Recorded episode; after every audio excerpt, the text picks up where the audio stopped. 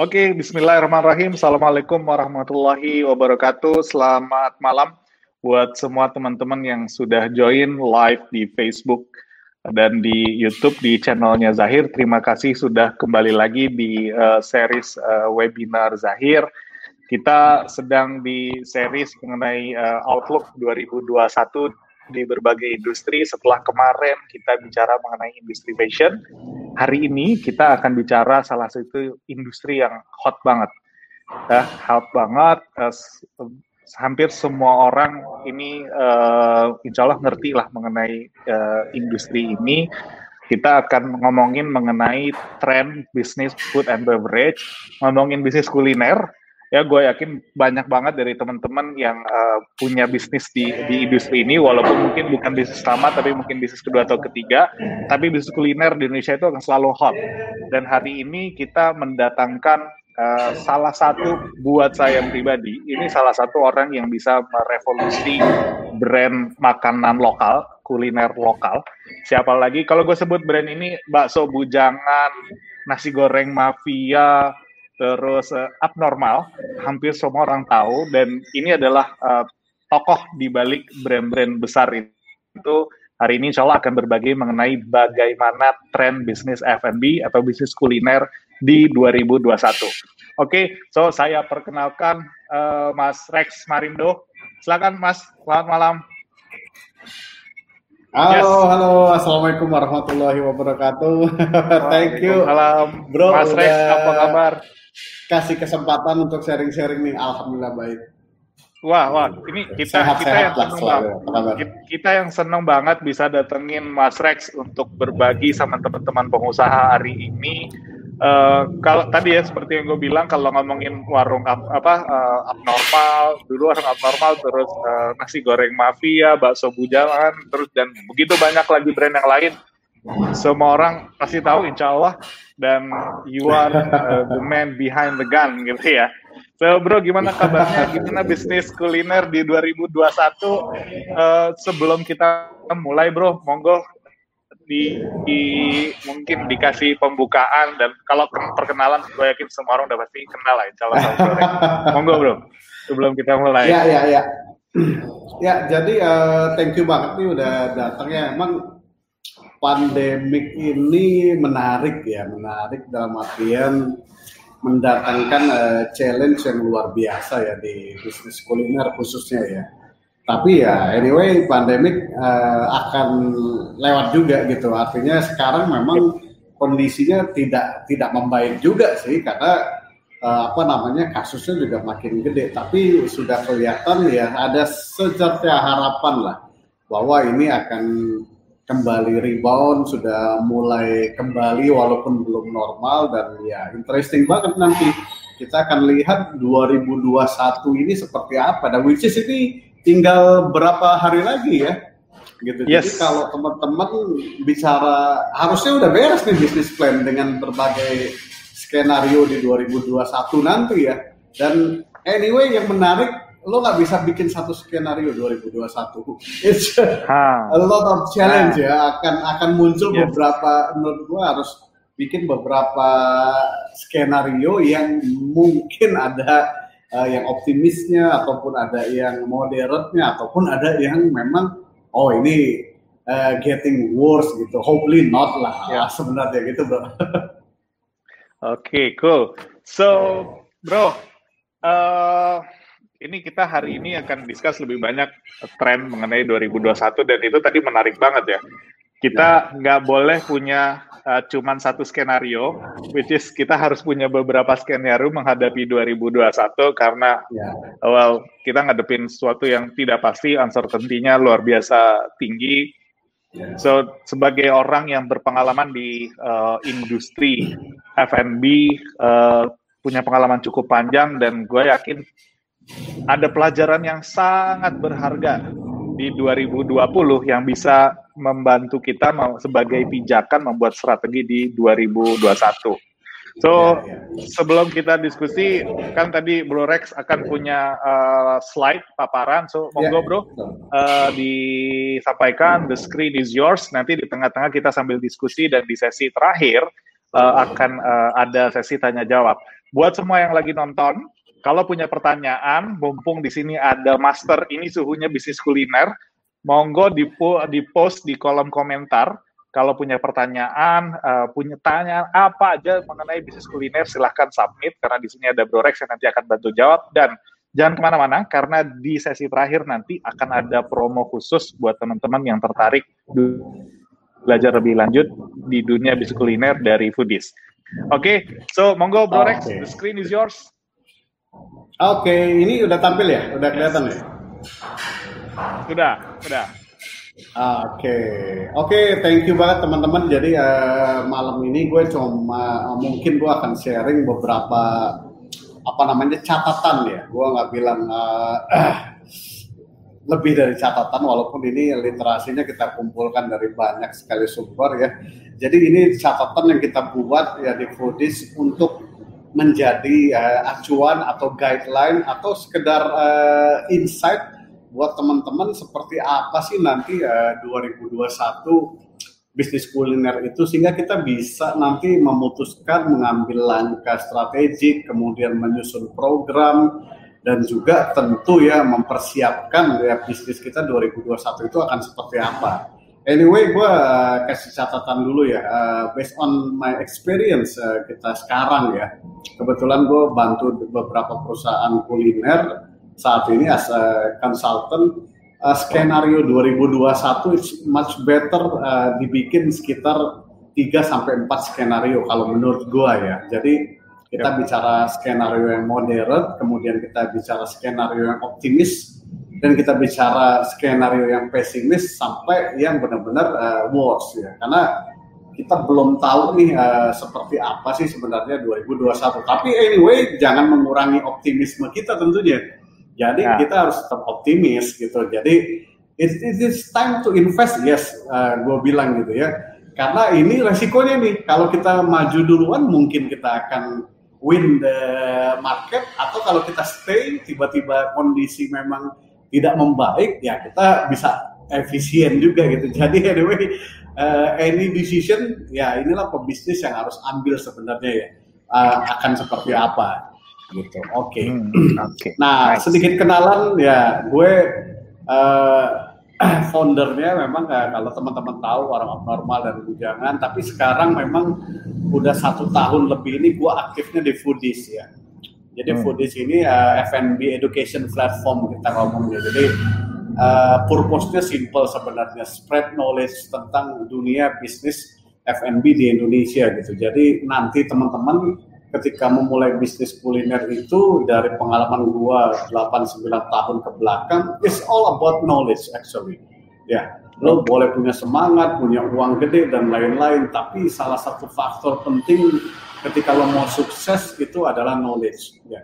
Jadi banyak sekali bisnis yang kemudian mengalami problem, kemudian fail ataupun berhasil, semuanya kuncinya ada di knowledge bro sebenarnya gitu. If you know, maybe ya kan. Jadi kalau lo tahu sebenarnya ada banyak cara untuk mengatasi banyak problem let's say kalau kita dalam bisnis ya. Nanti gua mungkin cerita beberapa. Nah, gue juga nulis buku baru-baru ini 50 kesalahan fatal dalam bisnis kuliner yang which is mungkin lo pada bisa baca kalau uh, bukunya masih bisa ada, tapi memang belinya online. Gue terbitin mandiri nice. ya. Oke, okay, nanti di share, nanti di share bro. uh,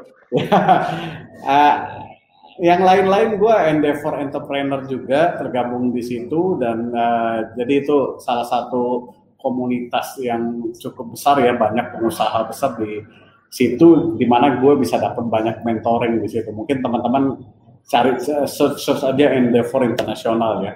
Oke, okay, uh, eh, kita masuk aja ya uh, karena banyak 17 jadi gue nggak bahas panjang-panjang juga is just uh, like catatan aja lah buat teman-teman ya.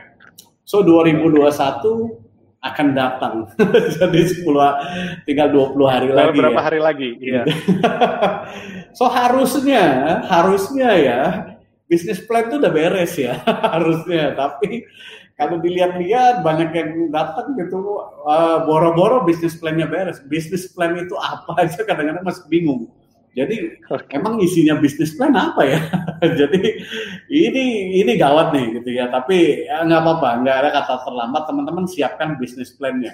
At least tulis lah planningnya apa, numbersnya berapa, kegiatan programnya apa gitu yang nanti terkait di 2021 ya. Nah ada catatannya ketika kita menuliskan nanti bisnis plan 2021 yang mungkin bisa kita implementasikan atau mungkin kita waspada, watch ya, ataupun mungkin ya kita cuekin aja karena ah ini belum lah ini no problem juga gitu ya. Oke, okay, let's start from beginning ya nomor satu. Nah ini gue selalu apa namanya bilang ke teman-teman sejak apalagi sejak pandemik ini ya sebaiknya ketika kita berbisnis kuliner fokuslah di spesifik bisnis model Ya, jadi oh. bisnis 8 9 tahun yang lalu itu udah agak berbeda ya. Jadi as simple as begini, Bro. Misalnya lo berbisnis uh, ayam goreng gitu ya, ayam goreng pakai outlet katakanlah ya. Nah, lebih baik lo spesifik di bisnis model pengembangan outletnya, ya. Lo jago di situ, lo fokus di situ, kemudian lo kembangkan menjadi besar sekali di situ, tapi tidak usah bermain di bisnis model lain seperti contohnya lo punya peternakan ayamnya misalnya. Oke. Okay. Ya. Oke. Okay. Atau lo misalnya punya pengelolaan ayam dan uh, potongnya dan lain-lain ya. Ini kita bicara uh, pada konsep tata bisnis yang teman-teman ya tentu akan memulai atau baru mulai gitu. Kenapa? Menjalankan dua bisnis model yang berbeda itu membutuhkan dua kompetensi yang berbeda.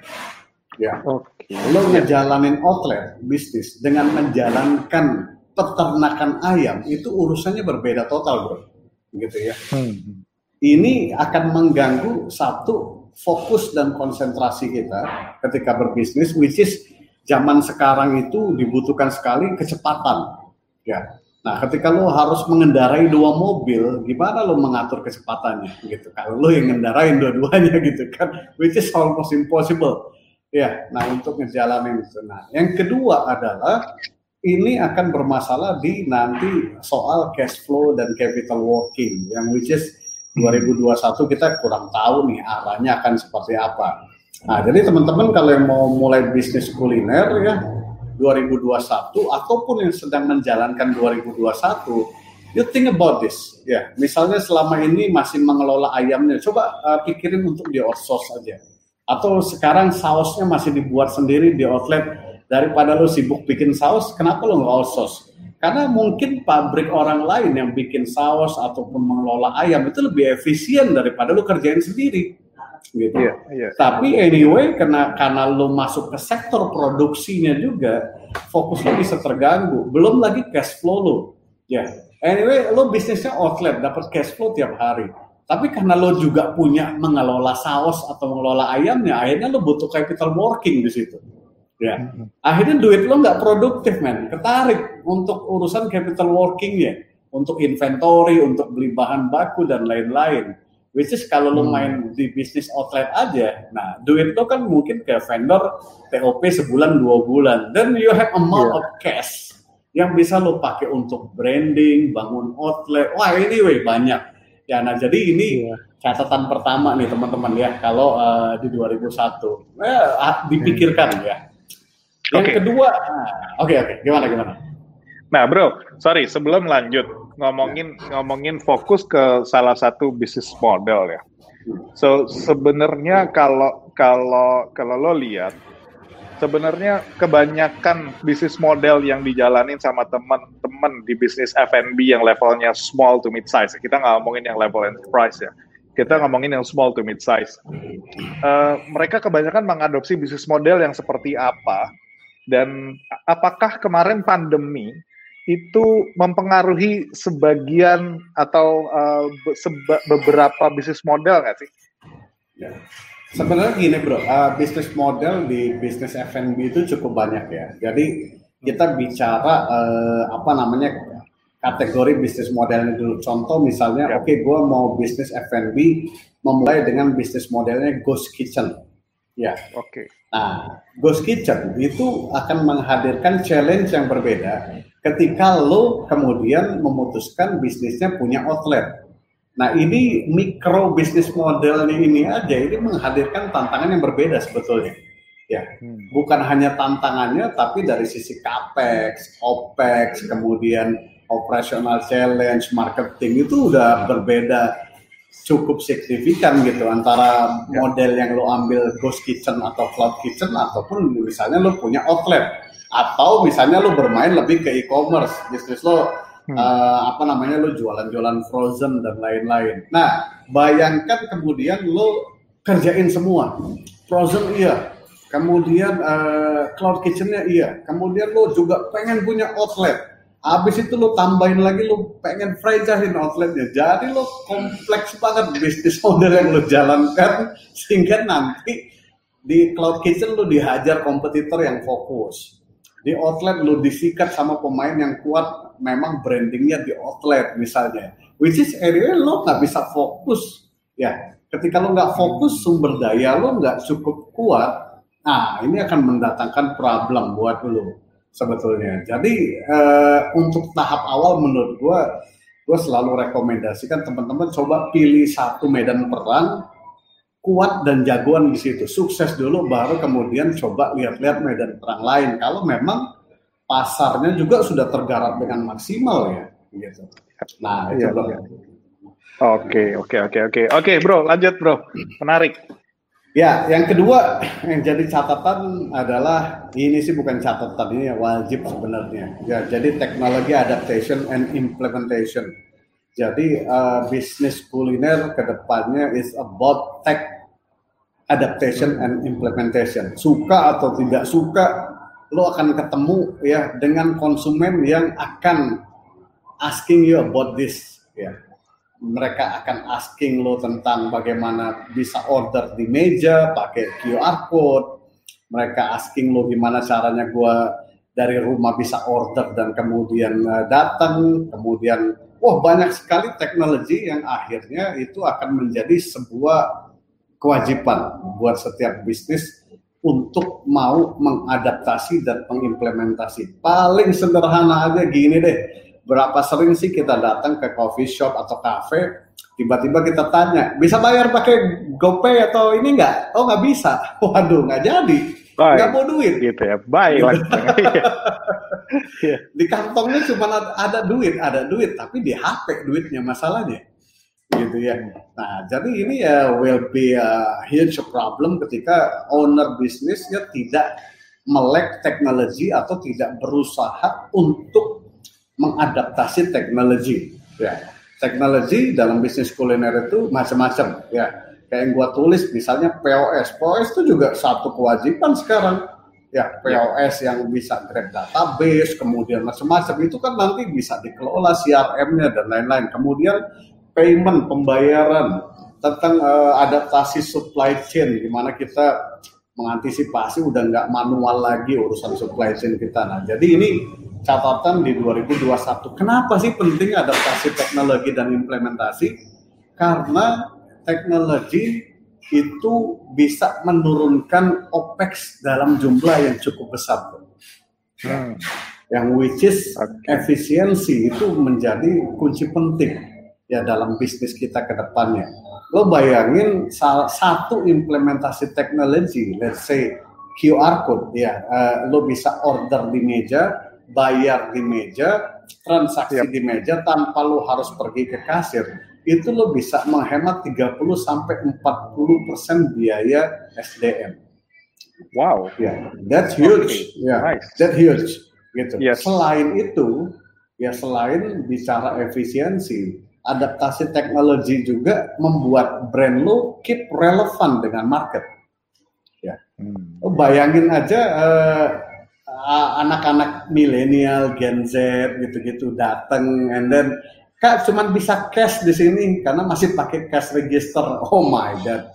Mungkin that the last time they will uh, come to your outlet gitu ya. Betul, betul. Langsung ditinggal tuh kayak gitu ya, nggak datang lagi. Ya. Gua oh kebetulan bawa duit nih ya. Biasa parkir aja udah susah sekarang bayar parkir karena lupa Bener. terus duit kecil gitu kan. I think tukang parkir juga sudah harus scan-scan aja bayarnya harusnya gitu ya. Betul, betul, betul. yang kedua bro ya. Oke. Okay. Oke, okay, kita masuk yang ketiga ya. Nah, ini juga sesuatu yang sangat penting kalau menurut gue ya adalah community and collaboration. Ya jadi eh, competition itu sudah harus diganti ceritanya. Ceritanya ya dengan collaboration dan community. Jadi kenapa? Bisnis itu sekarang uh, costnya makin tinggi. Cost baik itu cost advertisement advertising cost macam-macam lah sewa ya belum cost lain. Nah ketika kita ya. mau ngebangun bisnis ya cara paling cepat itu adalah dengan engage community dan melakukan kolaborasi sebenarnya ya jadi kalau lo lihat sekarang cukup banyak brand yang dia berkolaborasi dengan influencer atau buzzer untuk kemudian dia melaunching produk ya atau melaunching sebuah brand dan itu viralnya luar biasa cepat. Ya, contoh-contoh misalnya ya kemarin ada Sei Sapi lah yang terkenal misalnya ya.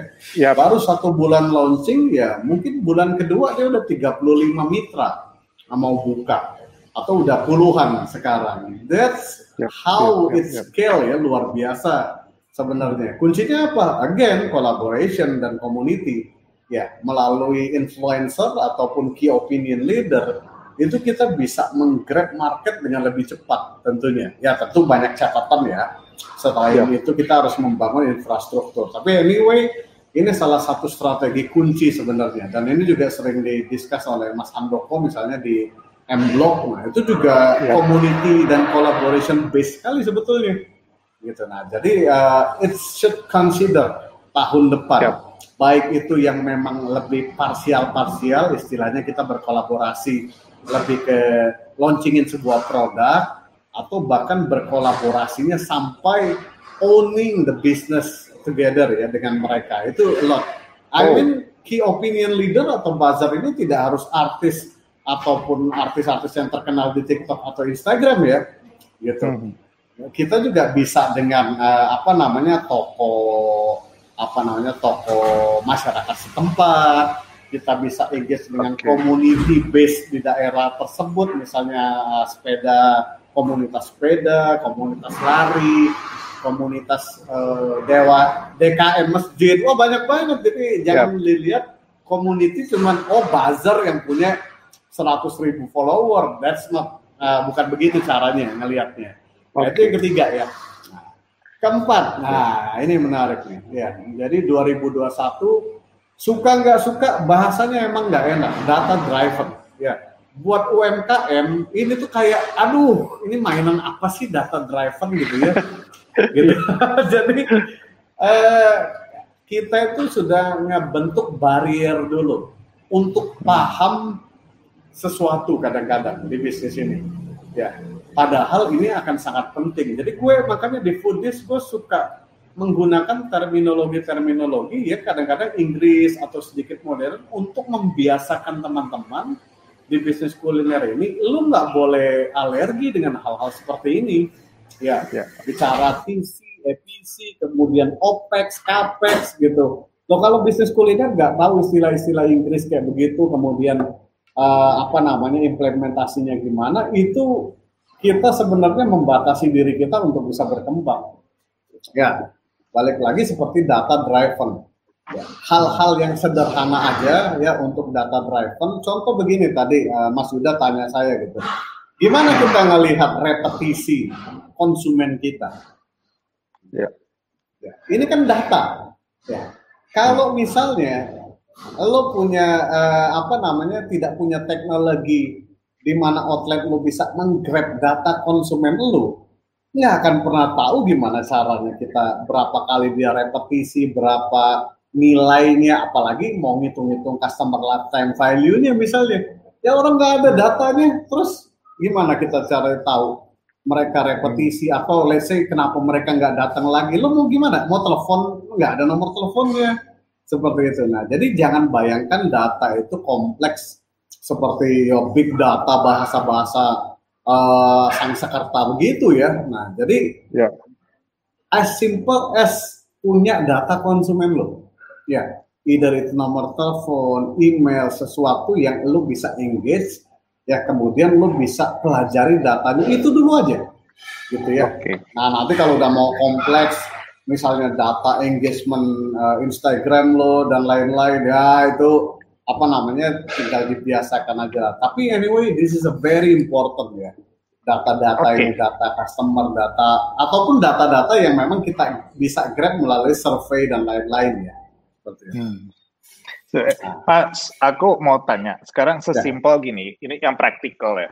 Teman-teman itu ketika ngomongin ngomongin uh, uh, bisnis kuliner, mereka paling gampang itu akan akan join di platform uh, delivery seperti GrabFood, seperti uh, GoFood lah, paling sederhana.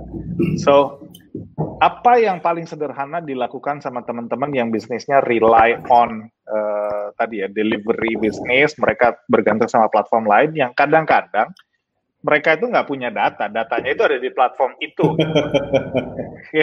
nah itu challenge kan, itu gimana iya. sebaiknya? Ah, ini ada sebenarnya. Nanti gua ada bahas di poin selanjutnya. Itu terkait okay. dengan multi multi sales channel. Nanti gua akan bahas. Oke, okay, ya, menarik. Memang itu okay. Problemnya sebenarnya. Nanti nanti gua itu problem ya. lo uh, lo mau omset lo keren sekalipun problemnya lo nggak punya datanya men itu quite danger sih. Oke, okay. Gitu. ya ya itu, itu itu kan challenge-nya di situ. Kita sebenarnya menyerahkan data kita ke platform itu, ya uh, well at some certain degree bisa jadi mereka someday bisa jadi di kompetitor kita sendiri jangan-jangan kita kan jangan-jangan karena datanya kan mereka yang kuasain. Lo bahasanya lo iya. bikin jangan-jangan udah kali. Gila, pinter ya. Kalau di Kemang terus setiap hari orang ternyata tiap hari jualan nasi apa belinya pesennya nasi goreng. So well kenapa yeah. gue nggak jualan nasi goreng aja gitu kan? Iya, ya dengan harga iya. yang murah dengan promo yang gue datur datanya gue tahu oh si Rex setiap hari Kamis malam pasti pesen nasi goreng gitu ya. Enak dong gue kan. Iya. habis itu tinggal bikin kitchen sendiri gitu kan. Nah. You know what I mean bro. Ya ya gue anyway gue gue di foodies bro. Gue edukasi. Jadi gue uh, akan sampaikan ya whatever brutal fact untuk teman-teman ya. Untuk ya Betul. untuk jadi strategi dan antisipasi ya. Karena I'm not standing uh, eh, side mana pun gue standing di side edukasi gitu ya. Nah jadi ya berapa kali sih gue tanyain begitu, wow, ya, ya gimana gue bilang emang begitu kenyataannya gitu kan. gue suka sih statement okay. brutal fact ya. Oke, okay. nah kita lanjut dulu ya. Oke. Okay. Yep. 2001 juga saran gue cari bisnis ataupun siapkan model bisnis yang scale ya. Jadi ini uh, sesuatu yang Iya, sebenarnya organic skill itu salah satu yang dulu sih masih oke okay ya, tapi sekarang gua rasa setiap bisnis kalau lo ngebangun bisnisnya dengan kategori produk-produknya cukup umum, berarti lo harus mulai berpikir bagaimana model bisnis ini bisa di skill dengan cepat. Nah, kalau bicara skill, berarti lo harus paham bagaimana men-skill bisnis ya model-model yang cara men-skill bisnis itu macam-macam bro. Kita bicara bisa skill dengan own outlet, kita bisa skill dengan cara uh, kemitraan atau franchise, kemudian kita bisa skill dengan sumber uh, dana sendiri, putaran net income atau kita bisa skill dengan uh, investment ya uh, seperti kemarin ya baru di invest tuh house 30 m yeah. ya uh, yeah Ya, tentu untuk skill. Nah, kenapa? Simple, karena kompetisi menurut gua akan semakin ketat. Ya. Hmm. Jadi pilihan lo jadilah khas di daerah itu atau when you choose the kategorinya cukup umum, make it skill fast. Gitu. Okay. Karena dengan skill fast, lo punya dana, lo punya funding untuk membangun brand dengan lebih kuat. Ya. Otherwise, lo akan dimakan sama yang lain gitu dan memang kuliner ini seksi banget ya dalam satu bulan Lo dengarkan sendiri ya, dua perusahaan di funding senilai 2 juta dolar dalam satu bulan ini. Gitu. Satu mangkokku oleh Alpha JWC kalau nggak salah ya, satu ya. lagi oleh Berry Ventures House gitu. Yep. Ya itu yang kedengeran di berita, nggak tahu yang nggak kedengeran ya. Nah jadi memang kita membutuhkan scalable bisnis yang cepat. Kecuali misalnya lo mau bangun makanan khas daerah lo, restonya satu aja tapi rame banget. Nah, itu cerita berbeda, Bro. Gitu. Okay. Itu model bisnis di mana ya lo jangan scale justru biar itu jadi unik di daerah lo sendiri gitu ya. Kalau lo scale-scale, lo kas kas makanan Bandung tiba-tiba bisa ditemukan di Bogor, ya udah nggak jadi kas lagi, hilang keunikannya nanti ya let's say seperti Kartika Sari misalnya. Ya udah di Bandung aja lo mau mau ke mana-mana nggak akan ketemu Kartika Sari. Ya Kartika Sari hanya bisa lo beli di Bandung dan sekitarnya. Nah itu menjadi itu bisa model bisnis seperti itu. Ya. Nah keenam ya yang juga sangat penting teman-teman tidak boleh lupakan fokus on brand building ya jadi yang menjadi excuse gue perhatikan selama pandemik ini adalah bahwa salah satu budget yang paling besar dipotong justru branding. Padahal menurut gue sebaliknya brand itu justru saat-saat inilah harus benar-benar dijaga biar tidak kehilangan relevansinya. Setidaknya tidak kehilangan relevansinya bro saat ini. Ya, hmm. kalau kita bicara kehilangan market share ataupun pasar, absolutely lah kita bicara 8 bulan ke belakang. Ya, industri restoran siapa yang enggak, ya kan? Ya. Tapi setidaknya jaga brand lo tetap relevan, tetap engage dengan ke apa namanya followernya, customernya. Lo punya database CRM lo misalnya berapa puluh ribu, ya tetap disapa, apa kabar, semoga sehat, kasih tips-tips yeah. sehat, bikin. Nah itu itu how to uh, we protect our brand dan sekaligus brand building once kondisi udah normal, they will still remember you. Ya, yeah, ada romancing nanti, romancing the brand bahwa wah ini gue disapa terus nih sama si brand ini. Ayo kita ke sana yuk nanti udah udah aman nih kayaknya udah asik nongkrong nongkrong. Nah pergilah orang. Nah jadi fokus ya teman 2021 brand itu akan memegang peranan cukup besar kalau menurut gua ya brand yang dibangun dengan positioning yang tepat tentunya gitu. Dan memang kita harus banyak adjust nih ngebangun brandnya ya gitu. Kalau dulu mungkin keren bicara wah kita tempat uh, co-work misalnya. Wah semuanya fasilitas yeah. dingin dan lain-lain. Nah hati-hati belum tentu sekarang orang merasa feel safe ketika semuanya tertutup nggak ada outdoornya. Nah ini careful ya. Jadi repositioning mungkin akan dibutuhkan untuk brand kita. Ya, depend on your product lah sebetulnya. Ya, itu yang keenam ya. Yang ketujuh sebenarnya masih related dengan sebelumnya adalah data dan CRM strategi is a must have.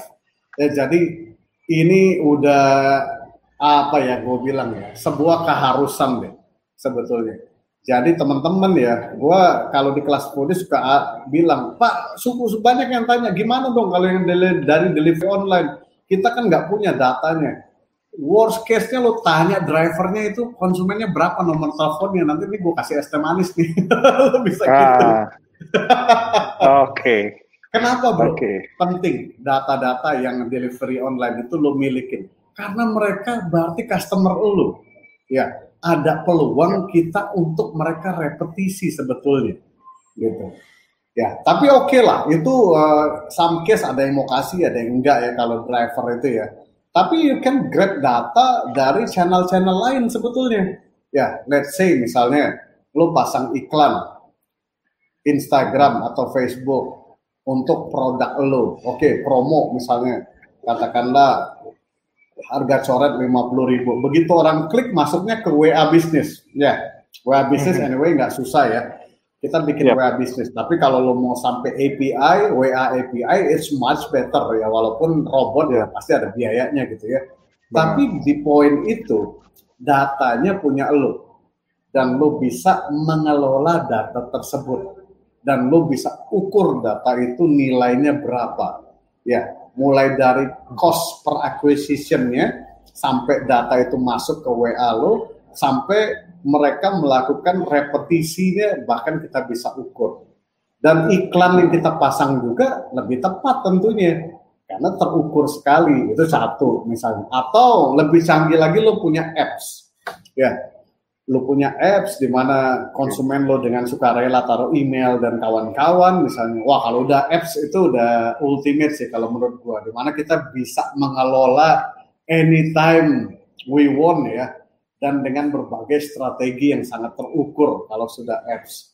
Tapi mungkin yang simple-simple ya pakai POS lah atau misalnya database email dan lain-lain lah seperti ya. itu.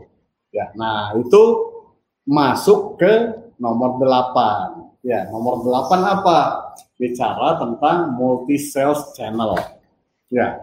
Nah, multi sales channel ini yang menurut gua harus mulai ya dikelola dengan betul oleh teman-teman pebisnis kuliner mana pun. Ya, jadi jangan hanya mengandalkan satu dua apalagi hanya mengandalkan delivery online ya kemudian kita lupa untuk menggarap channel sales lain. Ya, apa tuh contoh channel sales lain? Reseller, ya, kemudian uh, melalui aplikasi, melalui WA bisnis, melalui Ghost Resto, ataupun channel-channel lain yang mungkin kita bisa kelola. Nah, sebenarnya nyambung ke database tadi ya, multi sales channel ini, ya inilah kaitannya erat dengan punya database itu penting sekali. Nah, jadi teman-teman be careful nih kalau bicara uh, sekarang, gue gue uh, apa namanya keren nih, apa namanya uh, delivery gue bagus banget. Ah, nanti hmm. lo lihat ya, makin hari makin banyak yang masuk ke delivery online, makin gede customer base-nya. Ya buat delivery online makin besar uh, tenannya yang masuk yang makin yeah. bagus buat kita yang di dalam sana makin horrible ya. Artinya makin banyak kompetisi dong. Lo bayangin aja yang jual ayam geprek ada berapa? Ya itu kompetisi yeah. yang terdatang dari UKM UKM sekitar. Belum kompetisi yang datang dari platformnya sendiri. Ya. Misalnya uh, apa namanya katakanlah Grab Kitchen atau Rebel gitu. Itu kompetitor. Suka nggak suka algoritmanya ya diatur ke sana gitu kan. Kalau kebetulan yes. memang deket gitu. Ya this this this uh, untuk uh, acknowledge lah ya. Maksudnya teman-teman harus paham ini. Ya dengan paham ini ya jadi tidak hanya mengandalkan ya platform delivery online tapi juga berusaha menggarap sales channel lain serta membangun brand. Ya, jadi kenapa uh, poin brand tadi penting? Contoh begini bro, lo mau beli uh, ayam goreng misalnya, ayam goreng tepung, katakanlah. Hmm. Oke, okay. kalau lo masuk dulu ke platformnya, kemudian lo cari ayam goreng tepung, which is kompetisinya it's too way much ya, banyak banget. Tapi yeah, ketika yeah. brand yang menginterap di sosial media, ya ataupun menginterap lu melalui buzzer atau apa, orang ketika buka platform langsung cari brand lu. Brand, iya. Ya. Oke. Okay. Nah, itu yang jadi penting kemudian ya. Karena lo sekarang lo kalau mesen McDonald emang cari komparasinya, I don't think so. Enggak. Ya, kalau lo mau pesan McD ya lo buka McD aja langsung lo cari di GoFood, GrabFood, McD langsung lo ketik. Nah, itulah pentingnya yeah. brand bro, sebetulnya gitu. Nah itu nomor delapan nih. Lanjut atau ngobrol-ngobrol dulu? lanjut, lanjut, lanjut bro. Gue amazed banget. Gue menyimpan banyak pertanyaan nanti di belakang. Oke, okay. nah yang kesembilan is the era of content. Ya, yeah. konten, konten dan konten. Ya, lo nggak problem bisnis lo nggak ada followernya sekalipun, misalnya lo pakai platform TikTok, lo bisa viral dengan konten yang tepat. Ya. Jadi it's way different. Misalnya lu pakai Instagram bro. Instagram. Yes. One lu punya 100 ribu, mungkin yang melihat wah 0,5 persen juga udah oke okay, bro. Ya betul, engage betul. engage rate-nya gitu, udah gede. Benar. Jangan ngomong 5 persen 6 persen itu sih it's uh, berat. Berat, ya benar. Tapi TikTok, ya, gue kemarin baru uh, posting cabe, posting cabe doang, cabe disiram-siram minyak. Itu dalam satu malam view-nya 80 ribu view. Ya, dalam satu malam. Gitu. Gimana awareness itu bisa masif dibangun dengan strategi konten. Jadi enaknya nih dengan platform yang baru ini seperti TikTok katakanlah ya, ini membuat kompetisi itu menjadi fair. Betul. Karena gue suka kompetisinya banget. di konten, bukan di soal jumlah follower, follower. dan lain-lain gitu. Nah, bicara konten, kalau kita nggak punya tim konten, lu owner pun bisa kerjain. Kemarin yang gue viralin itu gue pergi ke dapur, terus uh, anak-anak mau nyiram cabai pakai minyak, bentar gue rekam dulu ya 15 detik. Abis itu upload, suruh timnya upload dan then viral gitu ya. Hari ini nggak tahu rame banget. Jadi mungkin mau nyobain cabai kali ya. Nah ini iya. contoh aja. Ya ini contoh aja di mana kompetisi 2021 konten akan memegang peranan paling penting ya salah satunya kalau kita bicara marketing activity ya hmm. dan enaknya kalau udah bicara konten ya tidak melulu bicara cost atau biaya yang cukup besar.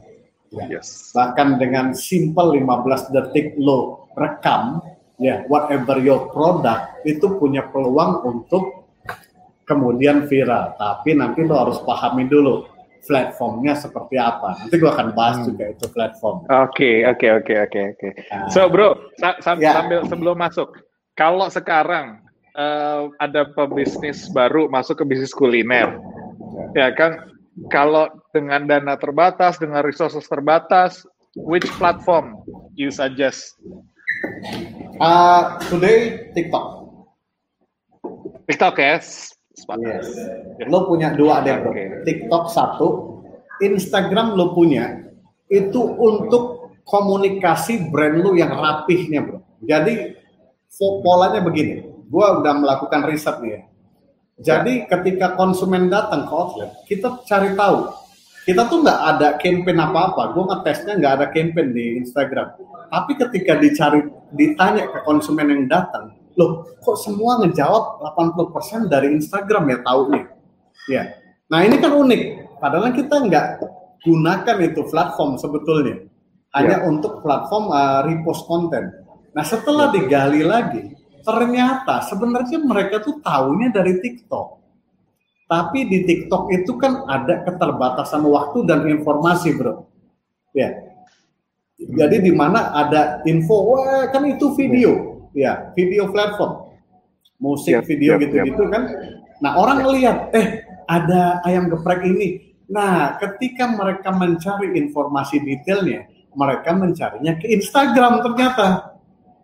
Gitu. Oke. Okay. Jadi mereka yes. cari nomor telepon, cari Google Map-nya, cari produknya apa. Nah, makanya gue suka bilang, lo Instagram tetap itu kayak showcase-nya lo pakai produk-produk lo yang foto-fotonya keren-keren, apa namanya bagus-bagus. Nah, lo taruh di Instagram yang rapi lo bikin. Ya. Hmm. Nah, ketika itu viral di TikTok, konsumen cari info di Instagram, they see your product, wow, it's look nice, tempat it's look great uh, mapnya di mana ya? Oh ini klik, teleponnya berapa ya? Oh datang. Nah itu flow-nya.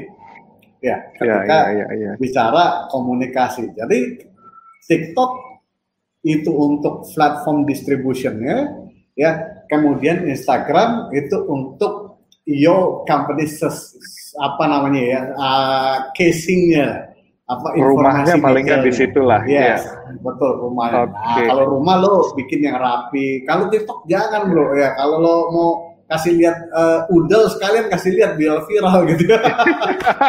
Gitu ya. Iya, iya, iya. tapi ya jangan okay, lah kalau okay. makanan. Iya. malah selera antar makan. Iya.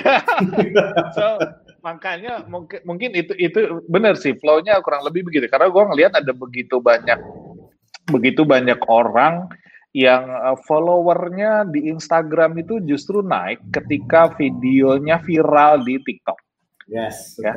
So korelasinya kayak gitu ya ternyata. Jadi begitu viral di TikTok, kita mau tahu profilnya ini orang siapa, brand ini apa, apa yang dia lakuin, uh, filosofi brandnya mungkin kayak gimana, personality brandnya gimana, kita langsung pindah ke Instagram dan terus kita follow gitu ya.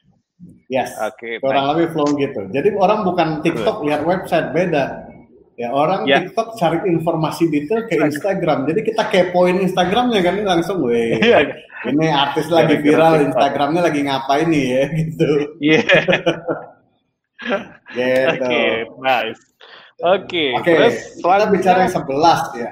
Hmm. Gua uh, ngelihat 2021 juga it's time ya. Sebenarnya it's starting this year sih ya. Jadi bisnis itu harus mulai memikirkan juga apa sih social impact ketika lo menjalankan bisnis ya. Contoh-contoh simpelnya bahwa lo care tentang apa namanya uh, uh, social distance, kemudian lu bikin campaign bagaimana biar campaign cuci tangan dan lain-lain itu sesuatu yang kita catch up, uh, trying to give a social impact to the society sebetulnya. Ya, apalagi dulu uh, waktu pandemik ya kita uh, raise fund misalnya create nasi kotak atau bagi-bagi teman-teman yang kesusahan nggak uh, ada kerja. Nah ini nih social impact yang menurut gua it will uh, apa namanya membuat brand lu akan lebih engaged dan attached ya. Memang kalau kita bicara social impact, sometimes lu nggak bisa ukur langsung bro dengan impact to sales ya atau impact to your business gitu ya. Tapi at least ini sesuatu yang sebenarnya menurut gua ya uh, from the beginning we starting business ya social impact ini is one of your purpose harusnya Ya, nah apalagi di kondisi-kondisi seperti sekarang sebenarnya. Nah, jadi ini it's think about, ya, think about jangan sampai teman-teman lupa bisnis itu harus punya dampak sosial seharusnya, gitu ya. Jadi bukan cuma dampak komersil. Ya, dampak sosial yang paling sederhana kita buka lapangan pekerjaan. It's become a story actually. Ya, ada uh, beberapa brand yang baru heboh misalnya, they create the story about the social impact when we open a lot of uh, outlet dan we open a lot of uh, apa namanya lapangan pekerjaan. That's a social impact ya mungkin dikemas dalam sebuah story. Anyways, fine, no problem gitu ya. Memang kenyataannya buka lapangan pekerjaan banyak kok. Kalau misalnya 10 outlet lo mempekerjakan enam orang, berarti ada 60 orang yang bisa uh, punya pekerjaan. That's a big business. Uh, I know a big uh, impact untuk ya. masyarakat ya. saat ini gitu ya. Hmm. Nah, 12 tadi nyambung tuh yang ke kita bahas. Perhatikan bahwa 2021 ini media shiftingnya akan makin keras kalau menurut gua. Ya, artinya seperti TikTok sebagai platform distribusi konten menurut gua akan makin powerful. Kita lakukan riset simple bro di Bandung. Hmm 15 sampai 20 tempat yang viral di Bandung yang makanan ya kita bicara kuliner yeah. itu semuanya viral dari TikTok. Wow. Jadi tidak ada yang viralnya dari Instagram. Gila ya. Dan beberapa yang viral itu lo waduh gua gua aja yang viral tuh geleng-geleng kepala gua gitu. Itu tempat kok bisa viral ya udah belasan tahun sepi ya ibunya jualan karena memang begitu tahu yeah. tuh sekarang viral itu tempat hmm. dulu gue ngekos ya di yeah. situ terkenal tuh tempat gue kalau sebutin nggak enak jadi si ah. ibunya tuh ya begitu apa namanya nah kemudian dia masuk TikTok viral. Sekarang bikin macet. Gitu gitu itu. Jadi sebenarnya banyak yang tanya ke gue mas kalau viral di TikTok tapi kan kita tidak menjamin bisnisnya akan sustain. Ya betul. Yes. Tapi viral di TikTok adalah langkah awal untuk bisnis lo bisa sustain. Kenapa karena lo kebangun brand awarenessnya ya muncullah traffic terlepas sustain atau tidak itu banyak kontribusi hal lain yang mulai dari SOP operasional lo bener atau enggak bisnis model lo tepat atau tidak tapi setidaknya awareness lo kebangun Ya, contoh Odading kemarin. Yes. ya. Tiba-tiba yang omset biasa 300 ribu jadi 15 juta bro sebul sehari jual Odading. Bener. Gak tahu sekarang tuh gimana ya. Nah, exactly tadi gua bilang ya 15 juta lo nikmatin tiga bulan itu 300 ribu pengalinya udah buat dua tahun lo kalau omset 300 juta 300 ribu ya nah untuk sustain we are talking about different angle of course ya tapi setidaknya tadi gue bilang while lo bisa uh, apa namanya uh, viral dulu setidaknya awareness lo udah tancap uh, kenceng dong gitu ya syukur-syukur bisnis lo lo bangun fundamentalnya juga dengan betul sebetulnya Nah, jadi ini teman-teman perhatikan ya. Jadi kalau masih ada yang bertanya, eh emang main TikTok penting ya? Ah, come on, wake up. Ya, jadi that's a huge problem for your brand ya, khususnya kalau bicara marketnya adalah Gen Z dan milenial awal, bukan Gen Z dan milenial akhir jurang kayak kita kita ini yang udah 40 ke atas ya, misalnya gitu ya. gitu. Nah, okay. itu itu 12. Oke, okay. yang ke-13 suka nggak suka belajar dari pandemik. Catatan paling penting di 2021 adalah setiap bisnis, organisasi ataupun perusahaan they have to ya become a learning and innovative organization.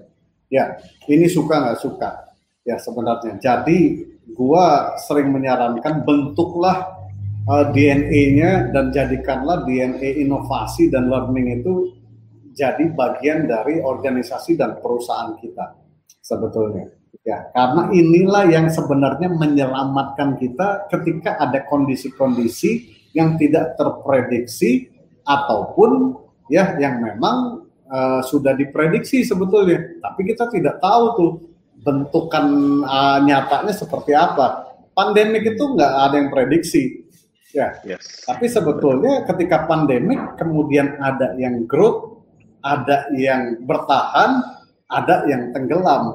Kuncinya kalau kita tanya nih ke teman-teman ya inovasi sebetulnya. Ya. Jadi ada yang berinovasi dengan begini, dia menciptakan uh, pivot dengan model bisnis begini, ada yang menciptakan apa namanya sales channel baru, ada yang menciptakan kayak kita nih di foodies practically kita pivot total waktu itu. Biasanya kita edukasi itu offline kebanyakan, ya. Hmm. Tapi justru pandemik ini menciptakan sebuah opportunity yang sangat besar buat model bisnis yang kita jalankan gitu di online. Sekarang pure online ya it's much way better than before malah sebelum pandemik gitu. Kenapa? Okay. Karena itu tadi ketika kita menyiapkan inovasi ya kita learning bahwa ini kondisi akan terjadi begini, nah kemudian kita ini. Nah, jadi ini kita bangun tim sebenarnya saran gua. Dan tim itu okay. bukan harus tim baru. Ya, tim yang ada di dalam organisasi ya bentuklah tim innovation.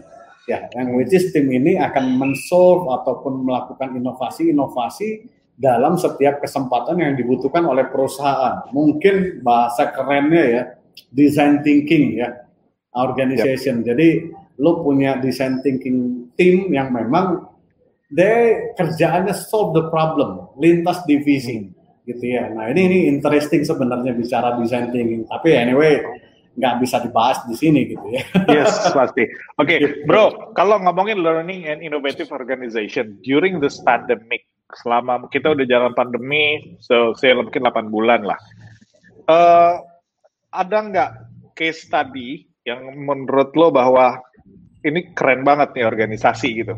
Dia bisa beradaptasi dengan cepat during this pandemic. Lu punya bisa mention nggak kira-kira siapa gitu yang during this pandemic dia bisa di F&B gitu dia bisa beradaptasi dengan dengan uh, impresif gitu.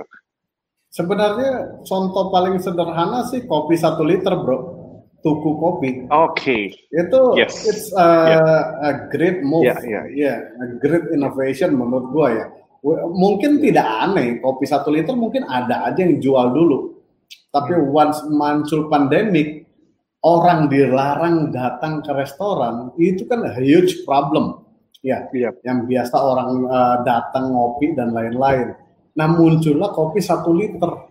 Ya meledak itu. Bahkan meledaknya luar biasanya melalui e-commerce juga bro. Bukan hanya delivery yes. online bro betul. Ya. mereka gue juga gila orang beli di e-commerce ya. Sekian ribu botol per minggu itu wah itu sadis tuh ya bahkan iya, iya, memunculkan iya. kesempatan baru sebetulnya ya nah itu itu contoh paling sederhana aja di mana orang kemudian uh, toko kopi bisa sukses dengan model bisnis seperti itu sehingga mereka bisa survive dan mungkin juga menemukan satu revenue baru ya channel baru sekarang iya. ini nah itu itu contoh simpel di industri kuliner. Di industri lain ya seperti contoh tadi gue bilang kayak foodies ya itu kita benar-benar growth yang cukup eksponensial menurut gue sejak hmm. kita berinovasi untuk memulai ya apa namanya tech adaptation ya mulai dari apa namanya menggunakan e-course kelas-kelas dan lain-lain which is yeah. dulu kita nggak eh, nggak uh, terlalu lirik-lirik bro gitu Ya, di okay. tempat lain ya jangan tanya deh kalau yang gunain Zoom berapa banyak nih itu Zoom platform yeah. ya tiba-tiba kaya raya yang punya ya. Jadi yeah. selalu menurut gua di setiap challenge atau kesempatan hmm. ataupun uh, ancaman itu selalu ada peluang untuk orang atau organisasi yang mau belajar, keep learning dan berinovasi. Ya, kuncinya sebenarnya di situ Ya, ketika kita okay. mau lihat itu selalu ada peluang sebetulnya. Oke, okay. Ya, so di, di organisasi di organisasi uh, say bisnis kuliner gitu kebanyakan uh, siapa sebenarnya yang paling bertanggung jawab men-trigger men-trigger inovasi di organisasi supaya beradaptasinya cepat? Kalau gua boleh ngomong sekarang the CEO ya. Hmm itulah sebenarnya kunci utama uh, organisasi itu punya DNA-nya atau tidak.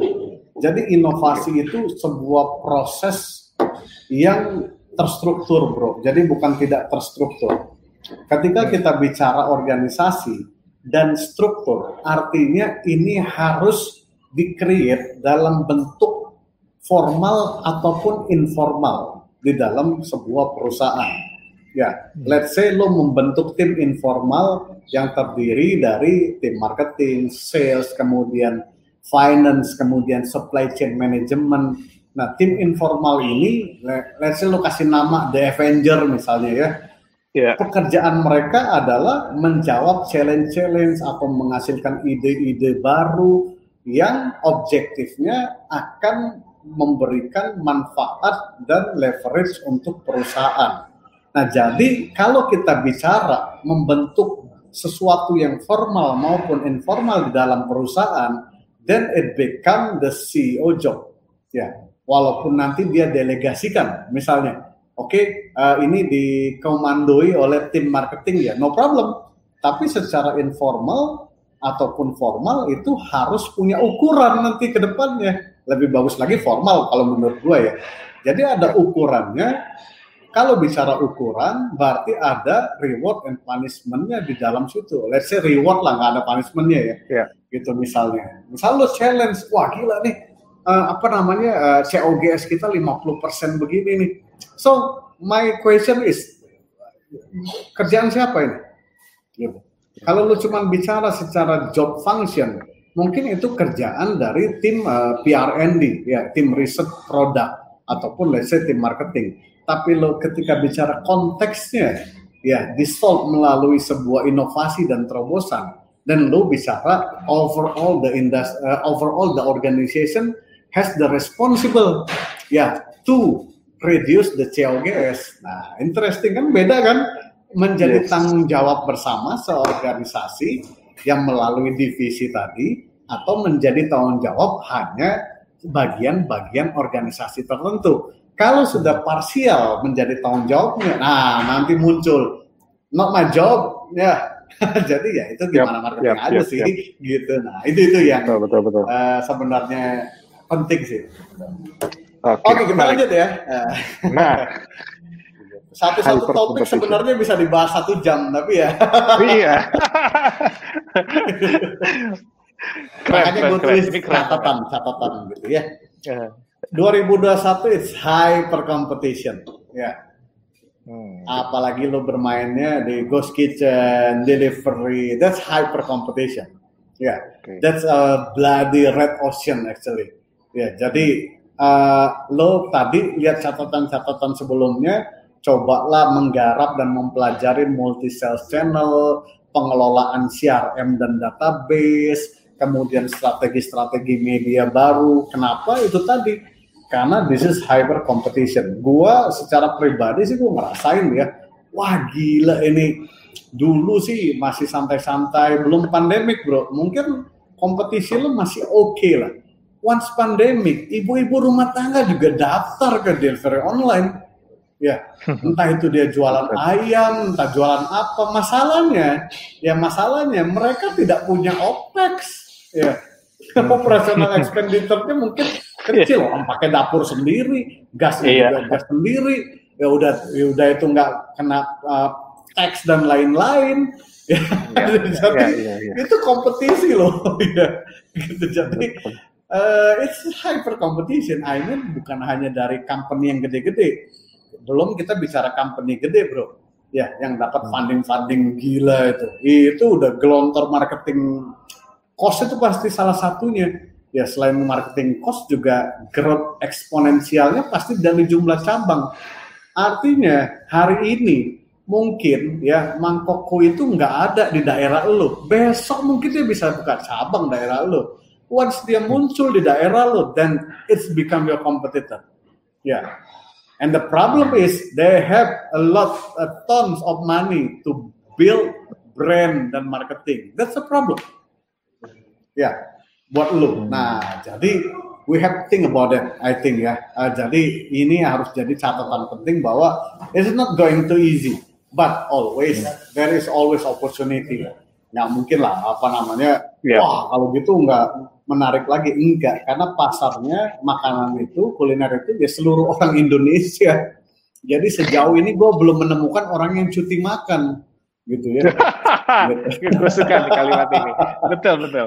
Kalau cuti sekolah ada bro sekarang iya. banyak teman-teman gue yang iya. anaknya diberhentiin dulu sekolahnya daripada bayar-bayar terus mendingan informal aja dulu kan. Cuti makan itu nggak ada cerita itu. Berarti lo sudah menghadap yang maha kuasa kalau cuti makan. Iya. Kelamaan. cuti makannya paling iya. oke okay lah sebentar-sebentar lah 12 jam iya. atau puasa gitu. Iya. gitu ya. Oke, nomor 15 mungkin udah banyak gua bahas juga online kompetensi kompetensi is must. Jadi your organization ya perusahaan lo ataupun bisnis lo cobalah catch up dengan kompetensi online.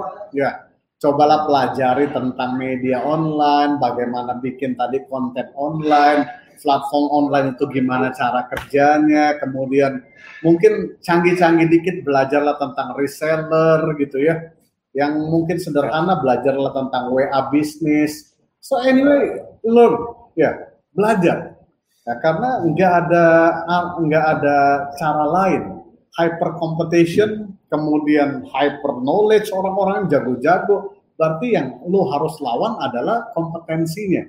Jadi sebenarnya di bisnis kuliner ini kompetisi paling utamanya nanti ya di knowledge-nya ini kalau menurut gue. Ya, ada empat hal yang akan menjadi poin penting dalam kompetisi kuliner ya. Pertama data, fakta, informasi dan knowledge. Ya, ada hmm. kelima sebenarnya experience. Jadi kunci okay. bersaing itu lima ini sebenarnya. Ya, sebenarnya kunci inovasi pun di lima ini. Data, fakta, informasi, knowledge dan experience. Ya, ya. experience nggak punya nggak apa-apa.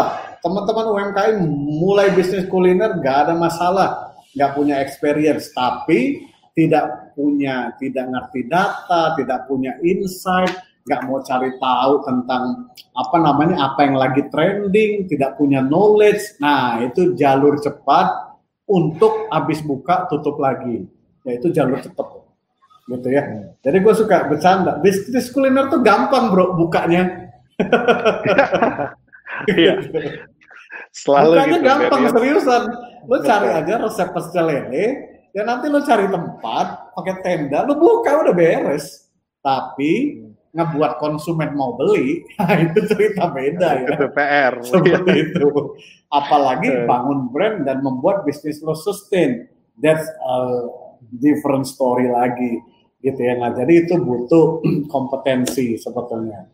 Nomor 16 saya itu nggak terlalu banyak gue bahas lah ya, tapi teman-teman perhatikan legal aspek regulation dan tax karena banyak case sebenarnya ya. Nah, nanti misalnya input nih, misalnya contoh eh, POS-nya Jahir misalnya ya.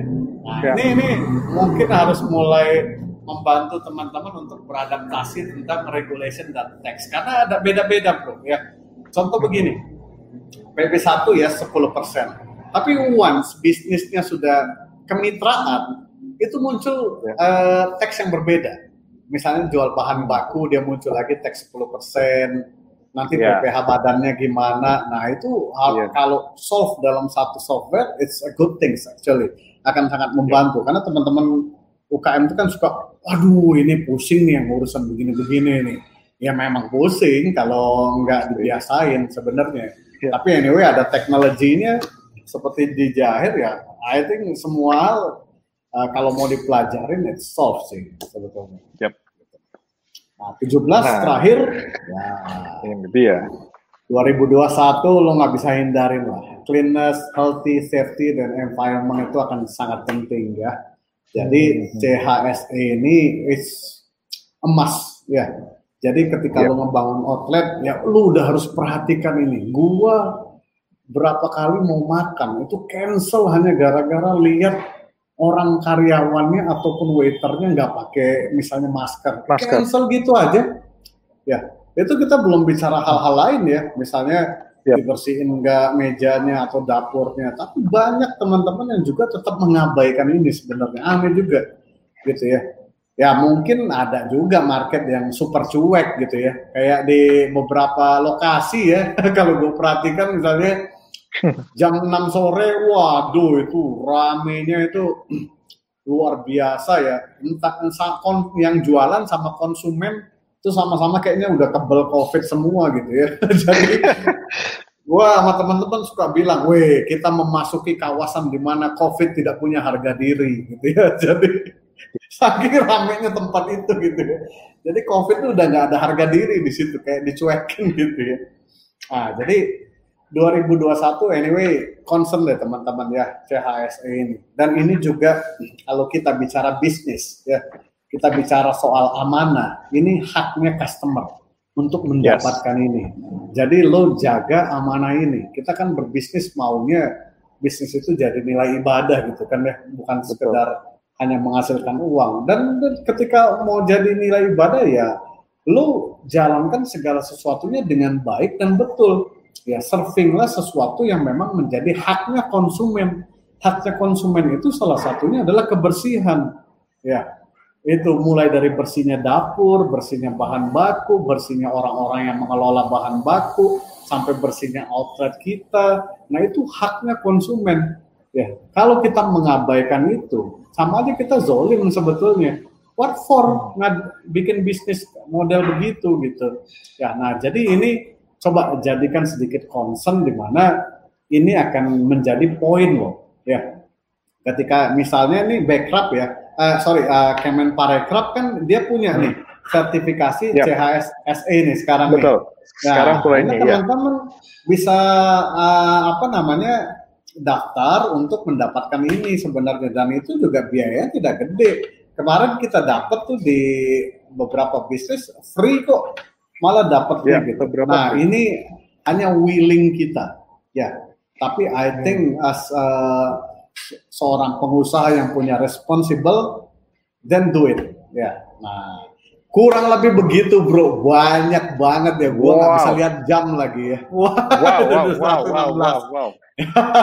luar biasa, luar biasa. Wow, this is mind blowing buat gue yeah. this is mind blowing beneran ini yeah. ini komprehensif banget buat teman-teman pengusaha kuliner Insya Allah belajar banyak banget malam ini, walaupun pasti ada begitu banyak part yang memang harus digali lebih dalam lagi. Oke, okay, bro. Ya, ya, ya. ya, uh, luar Jadi, biasa. Sebelum ya. gimana, bro? Jadi teman-teman sebenarnya kalau yang mau detail-detail, teman-teman bisa cek gue banyak nulis detail itu di website Foodies ya, foodies.id/blog ya. Nah, itu gue hampir nulis dengan teman-teman setiap hari. Kayak multi sales channel tuh apa? Nah, itu ada tulisannya di situ sebetulnya. Dan it's a consume free ya, jadi nggak ada bayar, nggak ada apa. Teman-teman bisa cek langsung gitu. Hampir setiap hari kita update entah itu artikel, video, podcast tentang uh, kuliner dan bisnis kuliner itu di situ. Jadi teman-teman bisa cek di situ. Nah, terakhir gua mau sedikit promosi kalau teman-teman yang mau belajar ya tentang yes. 50 50 kesalahan fatal, nggak mau trial dan error. Nah, ini gue Sebenarnya ini gue launching bukunya udah tiga bulan lalu sih bro, gitu. Jadi wow. gue cuma kenalin aja. Ya, selama okay. pandemik nih ini menarik bro. Gue launchingnya di pandemik nih sebenarnya. Ya. Dan dan pasti responnya luar biasa. Ya, begitu PO pre-order itu du hampir uh, seribu atau dua ribu eksemplar ya keluar gitu buku ini gitu padahal baru dikirim dua bulan kemudian gitu Ya tapi anyway ini pengalaman yang kita tulis bro selama dan teman-teman kuliner selama 8 tahun ke belakang. Nah jadi kita tuliskan semua. Nah ketika lo bicara 50 kesalahan fatal artinya lo akan belajar 50 ya pelajaran penting. Oh, Oke okay, gue jangan ini nih. Oh ini ternyata nggak oke. Okay. Oh ini ternyata masalah teks nih bahaya nih Ya, oh ternyata nggak hmm. pakai POS ini danger nih misalnya. Nah ini ada kita tulis semua di sini bro. Jadi ya ringan lah buat dibaca-baca sih sebenarnya. Begitu kira-kira. Luar biasa bro. Oke, okay, so sekarang sekarang sebelum kita masuk ke tanya jawab dari teman-teman ini sudah ada beberapa pertanyaan yang masuk. Uh, bahkan sebelum uh, sebelum uh, event ini dimulai bahkan sudah kita udah terima sekitar 35 pertanyaan luar biasa. So wow. nanti pelan-pelan gue akan pilihin beberapa pertanyaan yang uh, sesuai dengan uh, konteks kita malam ini. So bro, okay, okay, okay. Uh, pertanyaan gue gini, itu apa yang lo sampaikan tadi komprehensif. So uh, I can say itu adalah framework lah ya ceritanya kalau lo mau jadi pengusaha kuliner dan you want to be successful di 2021 so you have to follow uh, semua yang Rex tadi sampaikan. Dari pengalaman lo di bisnis kuliner ya, apa sih yang membuat uh, bisnis kuliner itu dimulai dari awal dimulai sampai dia mendapatkan momentumnya dengan begitu cepat, biasanya faktor apa, bro?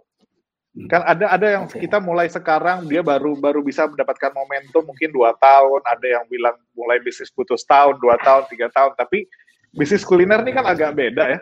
Uh, bisa survive lebih dari satu tahun, tiga tahun itu udah luar biasa. Mungkin kalau kita di Jakarta, kita jalan di Senopati, atau mungkin kita di Depok di Margonda, kalau kita di Bintaro, so mungkin setiap tahun lo akan ngelihat tempat itu brandnya bisa ganti-ganti gitu ya. Nah apa bro, yang yang dari pengalaman lo apa yang bisa membuat sebuah bisnis kuliner bisa mendapatkan momentum growth-nya itu dalam waktu yang cukup singkat gitu? Oke, okay. uh, eh, mungkin gue ada beberapa catatan ya, tapi gue hmm. ambil yang poin-poin inti aja bro. Yang ya. pertama yeah. menurut gue sebenarnya yang selalu gue concern knowledge bro Ya. Oke. Okay. Ilmu. Ya. Sebenarnya ilmu ini adalah perantara paling cepat untuk kita bisa sukses betul. Ketika kita punya ilmunya. Ya. Hmm. Kalau lu punya ilmu, lu bisa lihat opportunity.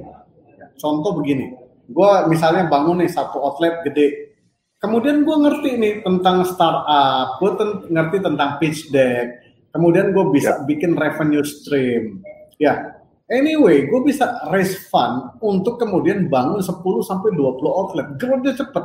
Ya. Hmm. Jadi kita bisa men-scale sesuatu itu karena ilmunya kita ada. Ya, yang jadi problem UMKM itu tidak ngerti ilmu. Jadi dia akan berkutat dengan problem-problem yang seharusnya kalau dia belajar itu dia tidak perlu berkutat terlalu lama di problem tersebut. Ya, dan problem-problemnya ini sederhana-sederhana, masalah operasional, nggak ngerti accounting, nggak ngerti bikin business projection, nggak ngerti ngatur cash flow, ya akhirnya lo takes time untuk kemudian growth karena berbagai ilmu yang lo butuhkan untuk skill atau growth itu lo nggak punya. Ya. Sorry, Bro Rex, nah, suaranya agak ya. putus-putus. Ya. Uh, jelas nggak ya? Tes, halo. Halo, halo, udah jelas bro? Nah, teman agak putus-putus. Tiba-tiba sekarang kayaknya mungkin koneksinya ya. Iya, mungkin. Gimana udah jelas? Nah, ini clear. Ini jelas. Oke. Okay. Ya, jadi gue balik lagi yang pertama ilmu, Bro. Kalau lu punya ilmunya, ya sebenarnya mungkin 50% masa lalu untuk cepat berkembang itu udah selesai ilmunya. Ya. Nah, yang kedua, ya ini yang penting, lu punya koneksi ataupun channel. Ya. Hmm. Jadi makanya gue bilang banyak kenalan tuh penting karena ya, ya. kadang-kadang lo nggak berilmu-ilmu amat karena kenalan lo oke okay, ya jadi gede juga bisnis lo gitu ya karena lo punya koneksi so build ya, ya apa namanya banyak-banyak cari kenalan. Nah, yang ketiga tim. Ya. Kalau lo punya tim, ya punya uh, partner ataupun punya teman yang memang punya purpose yang sama, kemudian punya passion yang sama, nah ini juga akan membuat lo lebih cepat untuk scale dan berkembang. Ya, lihat satu sampai tiga. I don't even mention a product. Ya, Yeah. I don't even mention a product ya. Karena yeah, iya, anyway, yeah, yeah, yeah. nanti produk itu ya lu kalau lu punya ilmu tentang menganalisa market, tentang kategori produk, ya how big the market, ya kemudian uh, which one the category yang uh, it's uh, li, apa namanya oke okay untuk lo garap, ya lu bisa pilih nanti cari produk aja yang cocok. Misalnya yang memang marketnya gede, Ya, kemudian lu nggak ada duitnya nih, tapi lu ngerti bikin pitch deck dan lain-lain. Lu punya kenalan dari venture dan lain-lain. Tiba-tiba ada aja angel investor yang ya kasih lu duit nih coba dulu deh. Nah, lihat, it's not about a product. Ya, yeah. this is about knowledge, this is about the connection, and this is about the team behind. Ya, kalau lu punya tiga hal ini, anyway, at what kind of product? Kalau memang pasarnya gede, bisa lu garap Ya, kita kasih ambil contoh lah bro, misalnya haus kemarin. Jualan apa ya. sih bro? Ya, minuman. jualan bubuk-bubuk minuman. Iya, kocok-kocok pakai air panas, kasih es. Ya. Ayo bro, zaman kapan lah. Jualan apa? Ya, ya kan? Tapi ketika dikelola dengan tim yang kuat, ya. ya ilmu yang dia paham, ilmu marketing jago, kontennya jago, kemudian ilmu ekspansinya ada, dan it become a big business. Ya, banyak yang model begitu tapi tidak berkembang. Kenapa? Ya tiga tadi kalah dia. Bukan kalah produk, mungkin yang bikin produk lebih enak banyak, Bro. Ya. Hmm, hmm, hmm. Mungkin yang jualan lebih murah tuh juga banyak gitu. Tapi that's not about that. Ya. Bukan itu awalnya. Ya awalnya tiga tadi gue sebut. Ya ilmu, koneksi dan juga apa namanya tim. Ya tentu kalau boleh ditambahkan ya doa lah ya maksudnya. Itu juga iya, sesuatu yang paling dia. penting. Itu itu sebenarnya itu faktor yang paling eksponensial bro. Karena kita nggak pernah tahu perjalanan itu seperti apa sebetulnya gitu. Hmm, betul gitu betul. bro. Wah ini dia nih menarik luar biasa. Wah ini mind blowing banget malam ini. Gua wah, belajar banyak banget. Bro kita masuk ke pertanyaan-pertanyaan dari dari teman-teman yang sudah submit pertanyaan ya. Uh, eh, gue akan pilihkan mungkin 3 sampai empat pertanyaan yang uh, sesuai. Oke, okay. okay, nah ini pertanyaan uh, pertama nih. Di dari Mas Hendra Hidayat. Hendra Hidayat saat ini bisnisnya di pertanian. Nah, pertanyaannya gini, Bro ketika bisnis restoran, apakah perlu portfolio financial statement selama tiga tahun untuk menarik investor? Nah, ini menarik, bro. Jadi, apakah bisnis restoran itu memang harus nunggu setahun, dua tahun, tiga tahun baru bisa narik investor, atau dalam waktu cepat sebenarnya bisa? Mungkin kayak cerita saya sapi tadi misalnya. Ya. Gimana, bro? sebenarnya kagak, bro. Lo bisa jualan jualan kertas kok buat tarik investor kayak startup aja. ini gue suka nih. Ini suka. Nah, nah kalau apa apa kuncinya bro supaya kita bisa jualan kertas, kita bisa jualan ide, dan kita bisa dapetin investor. Ya, kalau kita belum punya portfolio selama tiga tahun ini. I mean kita ketika kita bicara kertas, berarti kita bicara kertas yang isinya adalah business plan. Ya. Hmm. Nah, business plan itu strukturnya kan banyak, mulai dari opportunity marketnya, marketnya sebesar hmm. apa, growth-nya akan bagaimana, revenue stream-nya akan seperti apa, kemudian EBITDA-nya berapa, dan omsetnya berapa, di track 1, 2, 3, sampai 5 tahun kemudian lo valuasi dan kemudian muncullah nilai. Nah dari situ dari bisnis plan itu ya kita jadiin pitch deck kemudian kita presentasikan.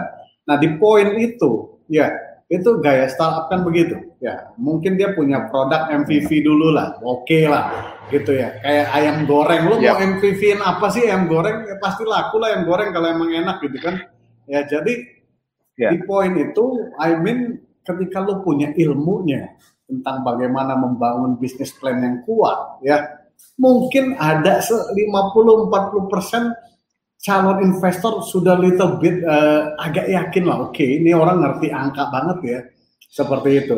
Nah baru kemudian dia akan lihat who you are. Ya lo ini siapa? Gitu. Nah yeah. di poin ini sebenarnya kunci utama memang yang akan menjadi big problem adalah ah lo nggak punya experience atau lo nggak punya tim atau lo nggak punya seseorang yang menopang lo untuk memperkuat kepercayaan investor. Oke, okay, no problem. Karena investornya nggak kenal lo. Tapi dengan hitungan-hitungan yang lo buat, lo kan bisa datang ke teman lo, saudara lo, bokap lo, kasih lihat dong mereka. Ya, ya. untuk seed funding awal. Seperti itu. Benar-benar angel lah kalau mereka istilahnya kan. Nah, itu dapat. Jadi nggak ada problem bro sebenarnya. Ya tidak perlu nunggu satu dua tiga tahun. Kalau lu nunggu satu tahun atau dua tahun berarti lu mencari nih valuasi yang lebih tinggi dari situ. Gitu ya, tapi kalau dua tahun bisnis lu nggak ke mana-mana memang ada errornya dari awal. Uh, apa namanya persiapannya dan lain-lainnya. Jadi kuncinya sebenarnya uh, again bro uh, ilmunya sebenarnya. Jadi gue sering banyak ketemu startup modalnya tuh modal ya modal bikin cash flow projection, business plan gitu-gitu, kemudian produknya juga menurut mereka akan laku di pasaran gitu, ya oke okay lah. Eh, sampai situ ilmunya sudah cukup oke okay sebetulnya gitu. Jadi nggak perlu sih menurut gua dua tiga tahun nunggu itu lama banget ya. Kali bisnisnya masih bertahan gitu. betul betul betul. Nice. Oke, okay, kita masuk ke pertanyaan berikutnya dari uh, Aditya Kusuma Mahabirama. Uh, bisnisnya kuliner. Hmm. Nah, ini dia nih. Pertanyaannya gini, Bro. Kalau mau buka resto atau bisnis kuliner dengan modal yang sangat minim, apa yang paling harus diprioritaskan? modal paling minim gitu ya. Ya, kalau Jadi, modalnya minim, terus mau mulai bisnis uh, mau mulai bisnis kuliner, apa yang paling harus diprioritaskan? Apakah tadi misalnya ngiklan uh, di Instagram, fokus bikin konten, atau yang mana? Jadi kalau kita bicara bisnis baru mulai, paling kita fokuskan adalah ke siapa kita jualan lo tahu nggak siapa yang akan membeli produk lo. Itu dulu pertama. Ya khusus your target market. Karena mereka itu siapa yang akan membeli. ya? oke. Okay. yes. Nah ketika kita udah tahu siapa customer kita cari tahu bagaimana caranya kita bisa approach mereka. Ya dengan penawaran-penawaran yang kita siapkan dari uh, apa namanya dari kita tentunya. Ya. Nah di poin itu nanti baru lo akan memvalidasi bisnis lo itu jalan atau tidak. Jadi menemukan target market atau uh, segmen yang tepat itu kunci awalnya dulu. Habis itu ketika lo menemukan itu, berikutnya adalah salesnya. Artinya bikinlah penawaran yang akan membuat mereka membeli, ya. Atau kalau lo punya budget, kasih dulu tester ya kasih dulu coba misalnya sama kan kayak teknologi kita coba-coba asik juga nih kayaknya beli lagi repetisi sama ketika lo sudah tahu nih eh oke okay, ini target market gue nih lingkungan sekitar gue. Gue cuman punya dana terbatas satu juta. Oke okay, gue bikin test start dulu ayam goreng gue gua sebar nih ke 50 rumah di dekat gua ayam goreng gua. Dan mereka coba. Oh ternyata 30 melakukan repetisi pembelian ulang. Wah tervalidasi produk lu. Ya nah untuk itu kemudian baru kita garap yang lebih gede lagi bikin promosi bangun brandnya nah jadi itu dulu aja bro sederhana siapa target market lo coba jualin ke mereka bahkan ekstrimnya kasih cicip habis kasih cicip nggak beli lagi dan your product is problem. Oke, okay. very straightforward, keren banget jawabannya. Jadi tahap pertama kalau modalnya minim lebih baik uh, untuk validasi market ya. Mulai dari memilih siapa target market, lalu coba tes produknya, beli nggak ya? Atau kalau beli repeat nggak gitu ya? Keren banget. Oke, okay, bro, Rex, kita masuk ke pertanyaan uh, berikutnya dari teman-teman di YouTube nih yang lagi nonton dari Mas Faiz Fauzan. Apakah ada treatment khusus atau strategi khusus kalau mau membuka usaha F&B dengan konsep ghost kitchen atau cloud kitchen? Nah ini lagi hits nih. Gimana nih? Jadi uh, kuncinya ini juga problemnya ghost kitchen ini. Jadi gini, satu tentu ketika kita bicara ghost kitchen, kita akan bicara produk yang punya potensi dan laku dijual di ghost kitchen. Ya, hmm. problemnya adalah produk yang laku dan dijual juga akan diisi oleh a lot of competitor.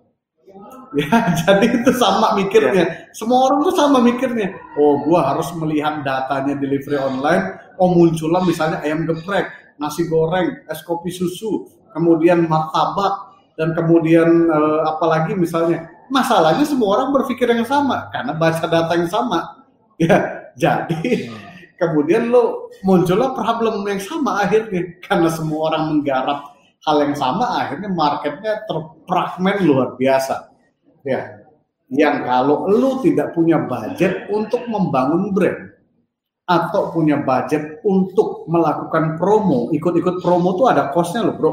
Ya jadi uh, ya. bisa share cost ya. That it's become a problem. Nah caranya gimana? Ada dua.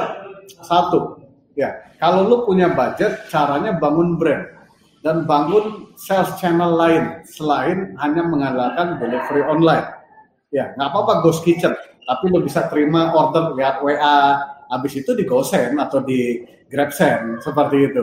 Lo bisa terima dari reseller e-commerce, kemudian lo bisa kirim pakai parcel atau apa, atau lo terima catering atau big order. Itu juga bisa. Nah, itu kalau lo misalnya pengen uh, punya budget dan membangun brand dan sales channel lain.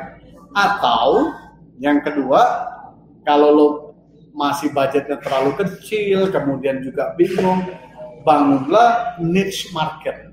Ya. Niche hmm. market itu apa? Contoh begini, gua kasih ya. Misalnya hmm. lu jual nasi goreng.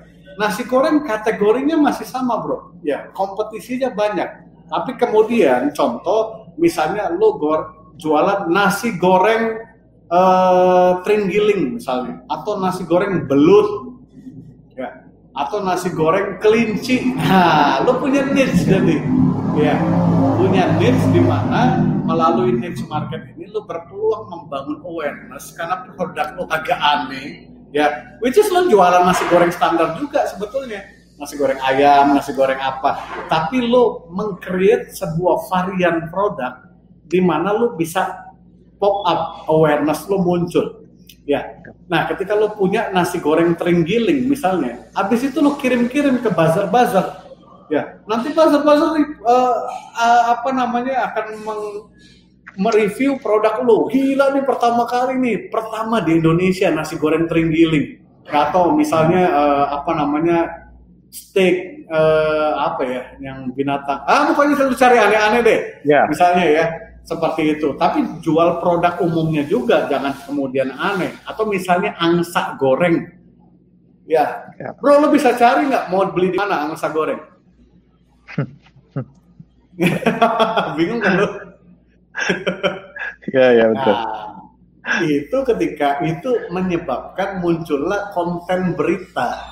karena tempat lo jualan angsa goreng which is mungkin lo juga pusing cari angsa goreng motong yeah. angsanya di mana tapi itu konten akhirnya membuat awareness lo naik orang ketika datang ke GoFood brand lo atau Grab belum tentu beli angsa gorengnya bro ya akhirnya mereka mungkin belinya ayam goreng juga, bebek goreng juga, dan lain-lain. Nah, itu untuk mensiasati ketika misalnya budget lu nggak terlalu besar gitu. Bermainlah dengan niche ataupun hmm. varian yang unik. Kurang gitu. Okay. Nice. Bro, ini kan tadi di pembahasan awal itu kita ngomongin bisnis model ya kalau kalau dari dari dari apa yang lo lihat selama 2020 lalu menuju 2021 bisnis model apa yang kira-kira bakal bertahan dan menarik di 2021 dan mana yang menurut lo kalau bisnis model ini during pandemic dan setelah pandemic mendingan jangan deh gitu ada nggak? Sebenarnya gini bro, satu kalau yang bicara bisnis model kita bukan bicara jenis makanannya.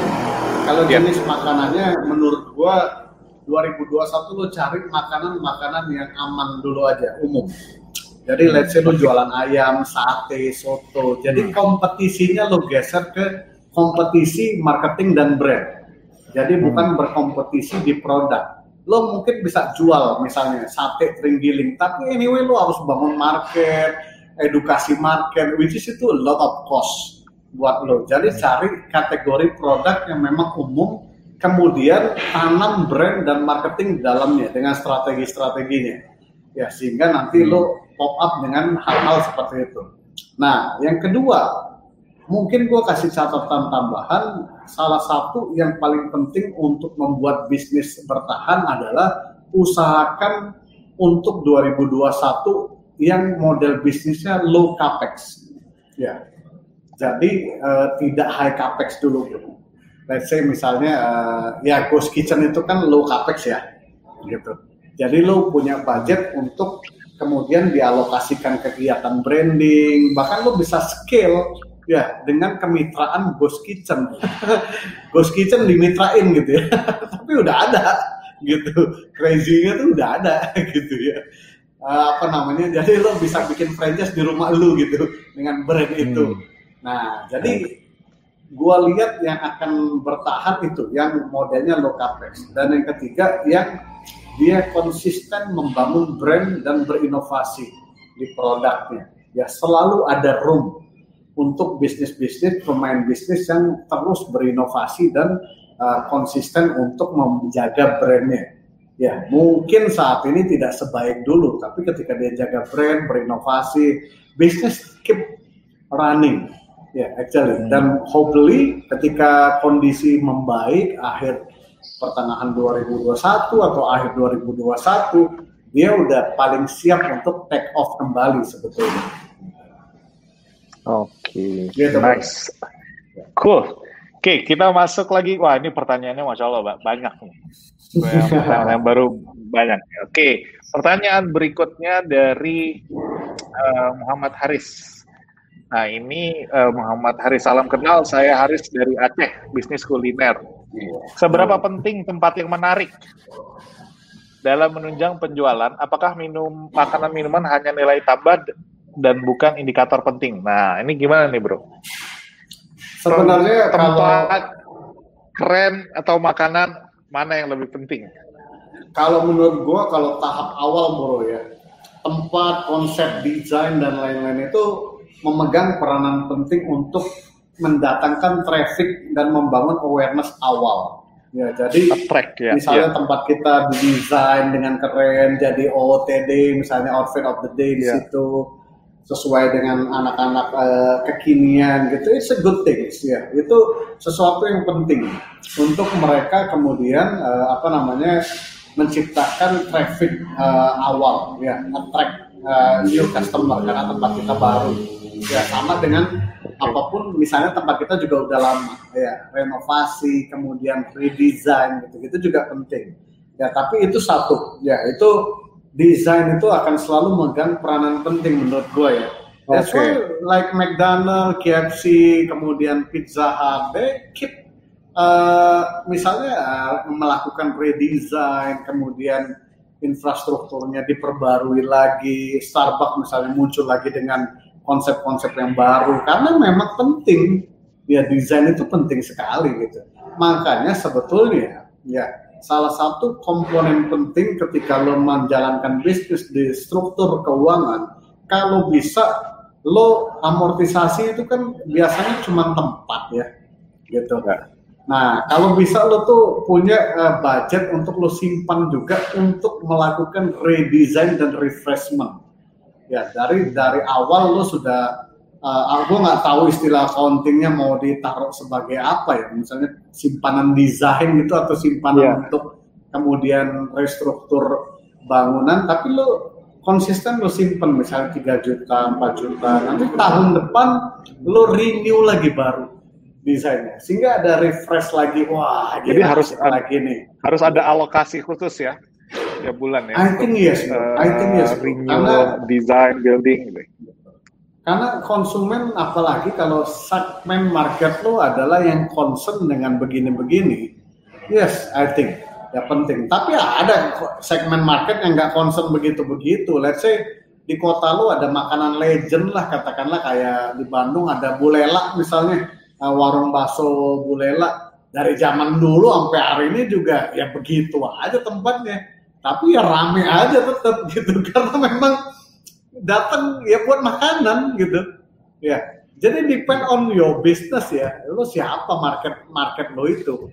Kalau mereka nggak concern dengan begitu begitu ya nggak apa-apa juga gitu. Ya kayak warteg misalnya mungkin orang nggak berapa concern juga. Yang penting ya gue warung padang warteg ya begini aja lah yang penting enak. Ya mau tempatnya dia dekor kayak mau ganti foto apa namanya presiden dari 20 tahun lalu sampai hari ini nggak peduli juga gitu.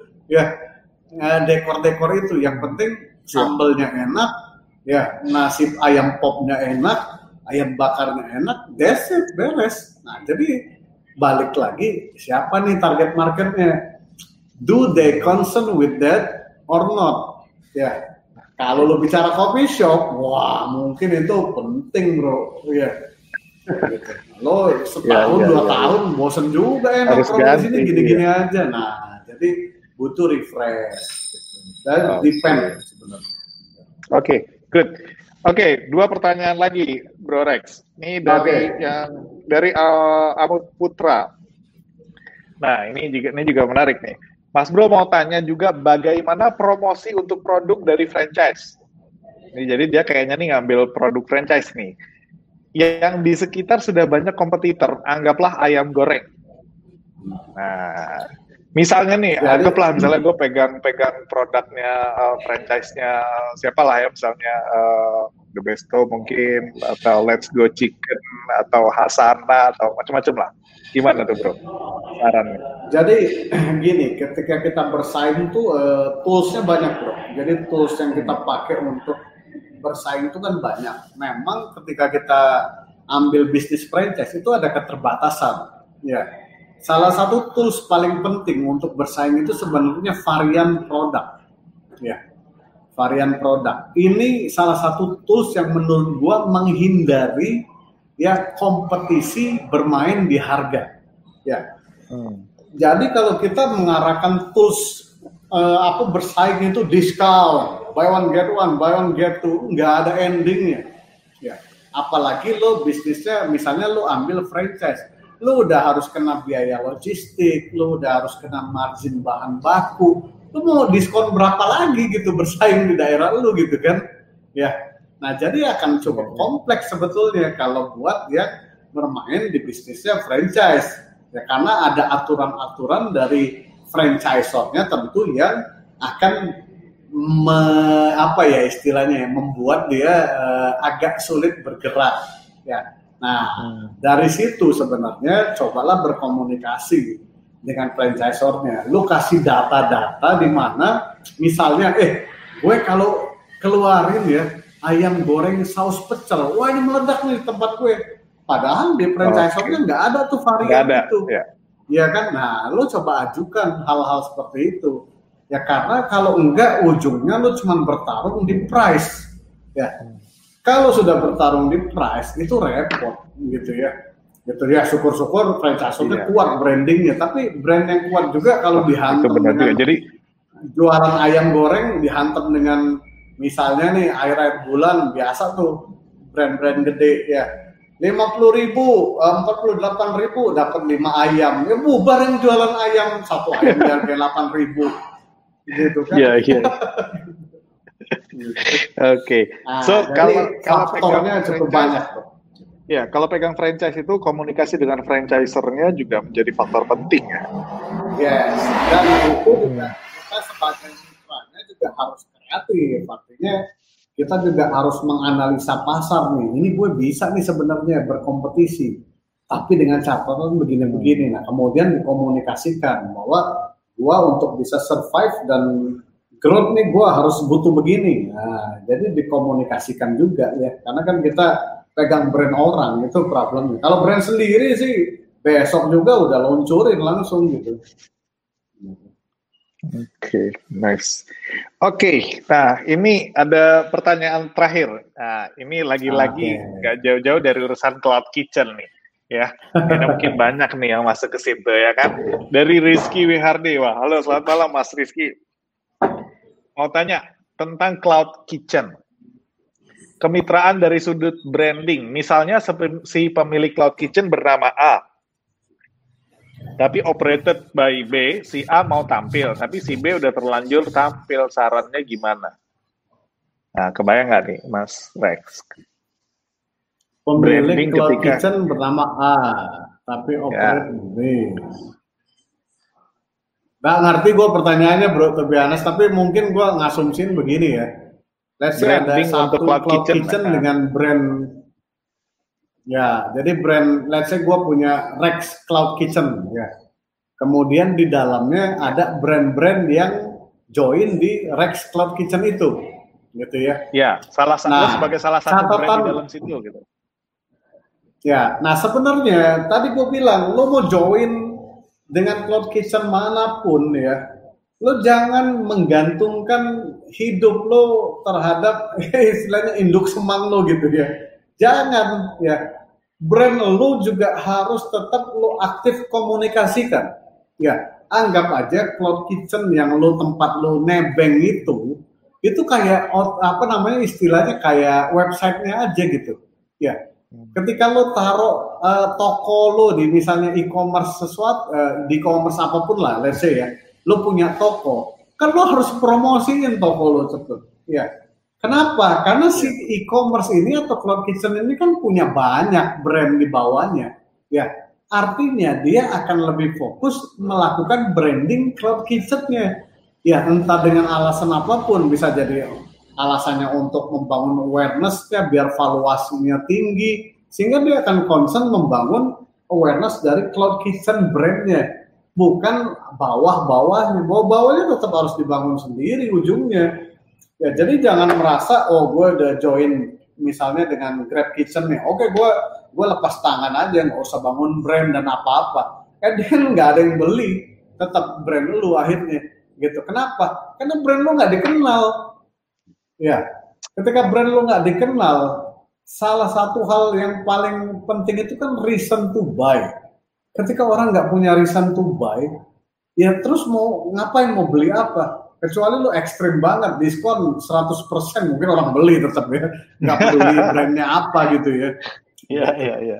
Nah kayak gitu bro. Jadi keep maintain your brand dan dibangun brandnya. Mau itu teman-teman bisnis cloud kitchen, ghost kitchen, tidak ada reason ataupun alasan yang dibenarkan atau kalian benarkan bahwa oh gua sudah selesai bangun brandnya dengan punya cloud kitchen atau gabung ke ghost kitchen yang mana pun dan kemudian gua sudah daftar on uh, GoFood dan GrabFood dan my job is done. Oh, totally wrong I think.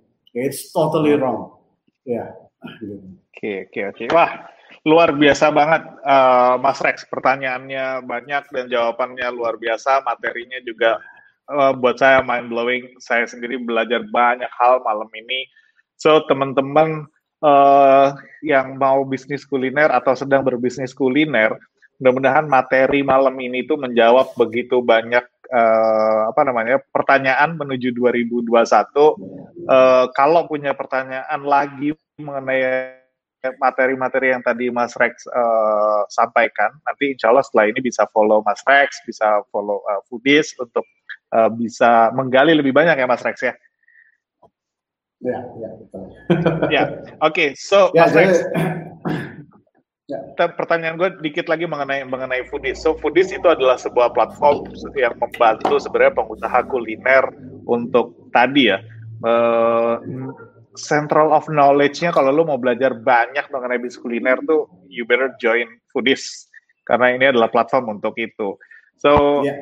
Mas uh, Rex, Foodies punya promo apa untuk teman-teman pengusaha yang pengen join atau apa sih yang bisa didapat lebih banyak lagi dari uh, uh, foodies untuk teman-teman pengusaha kuliner?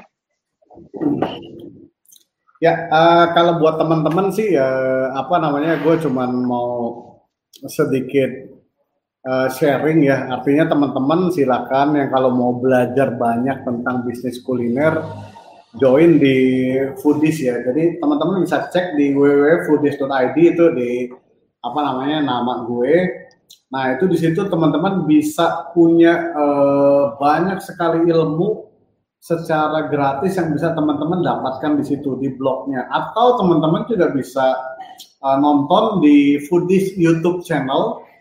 Itu Foodies YouTube channel itu kita udah upload hampir 400 video lebih ya buat teman-teman belajar dengerin podcast dan lain-lain gitu ya jadi hmm. Eh, nggak hmm. ada alasan sebenarnya kita itu nggak paham ilmunya karena Foodies mendeliver hampir kalau gue bilang banyak sekali ilmu. 400 video bro, lo mau beres kapan nontonnya itu? Ya banyak banget itu. Wow, wow, Dan wow, itu wow. Bukan bukan video-video singkat ya, artinya ada video-video yeah. panjang, ada kopdar dan lain-lain. Nah, tapi di foodies foodies.id juga sebenarnya teman-teman bisa belajar ada ilmu-ilmu yang lebih detail di e-course-nya. Bisa dicari ya di foodies uh, online class. Nah, di situ ada mau belajar tentang apa namanya legal tax, mau belajar tentang frozen food atau ghost kitchen atau strategi sales, itu banyak banget deh bro. Jadi silakan aja dicek di webfoodies.id dan juga bisa join komunitasnya sebenarnya. Di situ ada komunitas tinggal klik nanti bisa join di Instagram. Nah biasanya kita update artikel dan lain-lain di komunitas kita itu untuk belajar. Ya Allah sudah banyak banget, sudah berapa puluh ribu yang join ya di berbagai platform yang kita punya. Ya semoga itulah uh, salah satu yang bisa memberi kontribusi buat kemajuan bisnis kuliner di Indonesia sih, Bro. Gitu aja sih, Bro. Wow, luar biasa banget uh, Mas Rex. So, Mas Rex, kita sudah ada di penghujung uh, acara, nggak terasa kita hampir dua jam nih, udah jam sembilan oh, iya, iya. berasa luar biasa. Iya, saking serunya dan kontennya luar biasa banget. So, Mas Rex, sebagai closing statement, apa yang Mas Rex ingin sampaikan untuk teman-teman pengusaha kuliner menghadapi 2021? Ya, kalau gue sih ya simpel aja. Yang pertama, dari semua yang udah gue paparkan, salah satu hal paling penting itu knowledge ya jadi teman-teman okay. keep update, keep learning, ikuti program-program jahir seperti ini, nonton lagi di YouTube, ikut komunitas dan lain-lain di mana kita terus upgrade berbagai data, fakta, informasi dan knowledge. Itu yang pertama. Yang kedua juga bangunlah uh, relasi, koneksi, join berbagai komunitas untuk kita banyak kenal orang karena makin banyak kita silaturahmi makin gede pintu rezeki kita terbuka sebetulnya. Ya, nah yang ketiga ya tetap optimis ya karena 2021 akan datang dan salah satu cara yang terbaik adalah optimis menghadapi 2021. Ya, ya. ketika kita udah ada ilmu, banyak kenalan, sama gua rasa sih tidak ada alasan untuk kita berpikir bahwa uh, suram ya. Walaupun kalau secara bisnis kita tetap harus punya planning ya yang optimis dan pesimisnya ya.